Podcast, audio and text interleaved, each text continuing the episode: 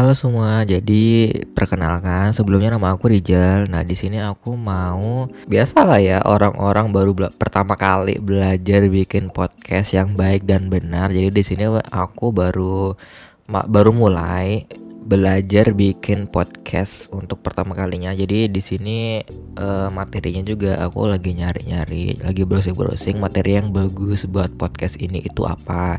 Jadi nanti kemungkinan kita akan membahas tentang uh, perkembangan diri kayak cerita yang menarik untuk dibicarakan. Jadi nanti kita juga uh, mau ngundang beberapa teman dari kampus aku nanti juga kita cerita-cerita tentang pengalaman juga. Nah, jadi di podcast kali ini judulnya itu saya kesepian, tidak punya teman untuk berbagi cerita. Nah, jadi di sini ada orang um, gambarannya dia perempuan umurnya 19 tahun tidak bekerja. Jadi dia bilang saya merasa kesepian di rumah. Aktivitas saya akhir-akhir ini sering kali dilakukan di rumah dan itu membuat saya tidak punya teman untuk diajak ngobrol. Seharusnya tahun ini saya mulai masuk kuliah tapi karena belum lolos seleksi maka saya punya gap year banyak sekali kegiatan yang ingin saya kerjakan tapi rasa malas tidak pernah pergi dalam diri saya. Bukannya hilang, justru rasa malas itu semakin kuat. Hal itu membuat saya putus asa dengan diri sendiri dan membuat saya takut mencoba hal baru. Hal itu membuat saya putus asa dengan diri sendiri dan membuat saya takut mencoba hal baru.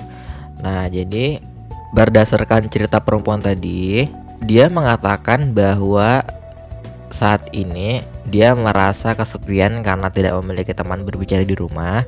Hal ini mungkin terjadi karena adanya gap year yang sedang kamu jalani.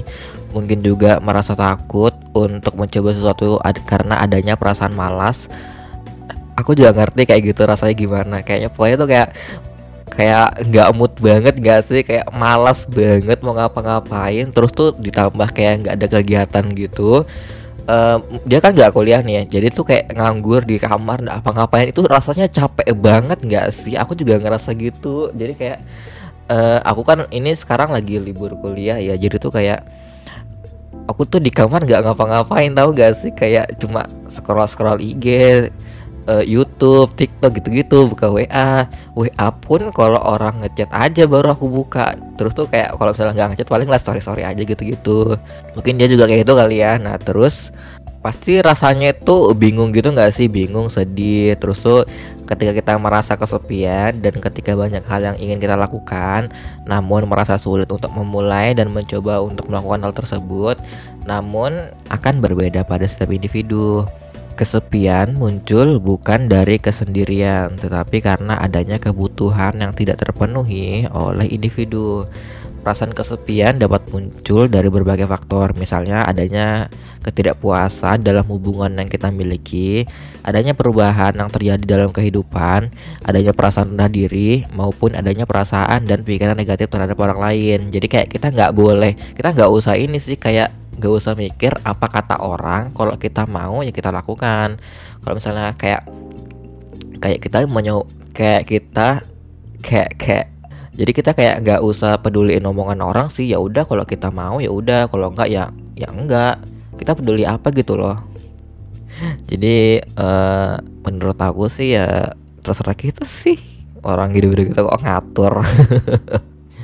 Nah dengan menyadari bahwa kita sedang merasakan kesepian, bahwa kita memang sedang tidak baik-baik saja, bisa jadi merupakan langkah awal yang penting agar kita bisa merencanakan langkah selanjutnya. Jadi kayak kita udah tahu kita lagi galau, udah lagi bete lagi ini, kita harus tahu nanti kita mau ngapain gitu loh. Jadi kayak jangan terjebak di zona nyaman yang sebenarnya nggak nyaman aslinya tapi kayak kita sudah jadi terbiasa gitu loh jadi kayak udah nyaman banget jadi kita harus keluar dari situ kita nggak boleh lama-lama di zona kemalasan ini karena itu tidak baik karena kita masih punya masa depan yang lebih cerah.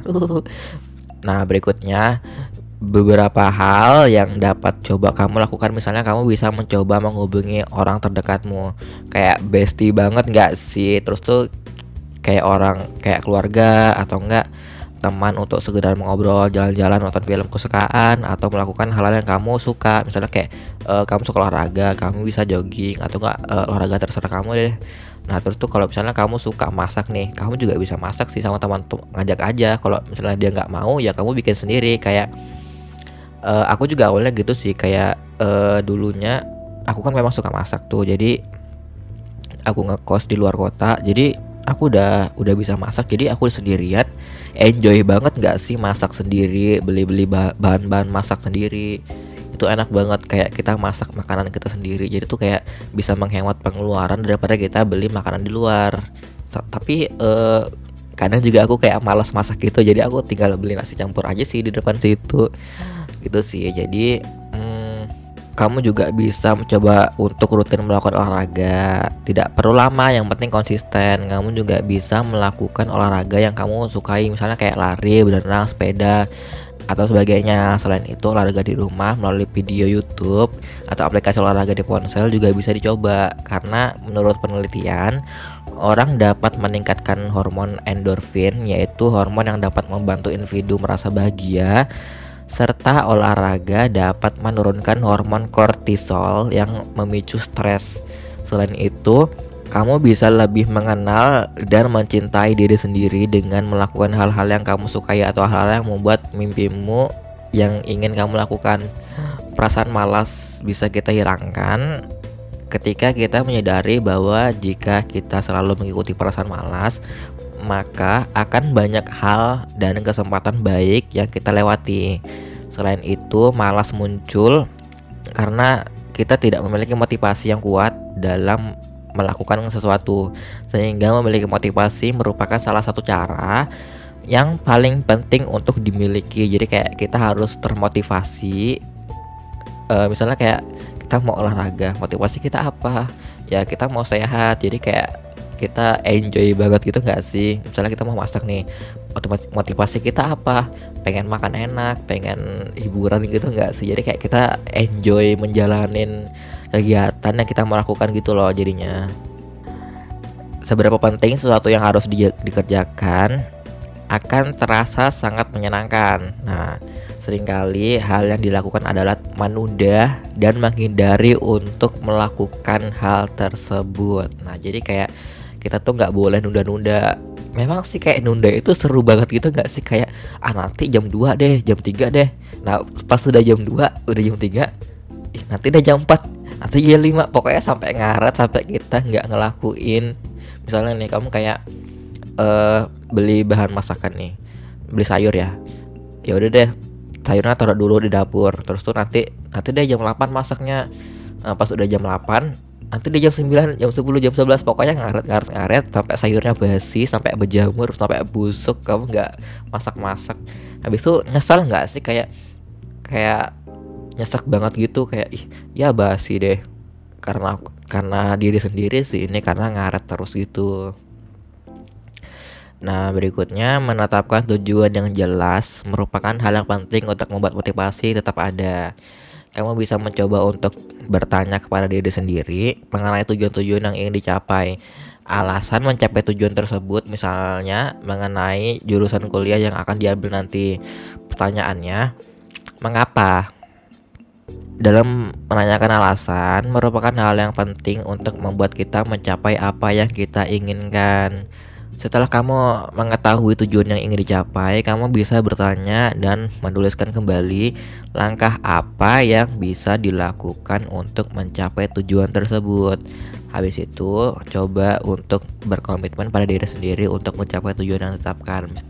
Sebetulnya, adanya gap year ini juga bisa kamu jadikan kesempatan baik untuk meningkatkan kemampuan atau keterampilan yang kamu inginkan atau yang kamu butuhkan untuk menjunjung di jurusan kuliah yang akan kamu ambil. Misalnya kayak ngikuti program magang, bergabung dengan teman baru, bergabung dengan komunitas yang sesuai dengan kesukaanmu. Dengan begitu kamu akan bertemu dengan pengalaman dan juga teman-teman baru.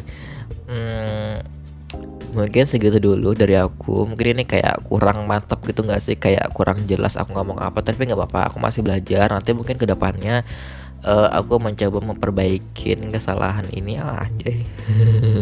Ya segitu dulu deh. Oke sampai jumpa. Bye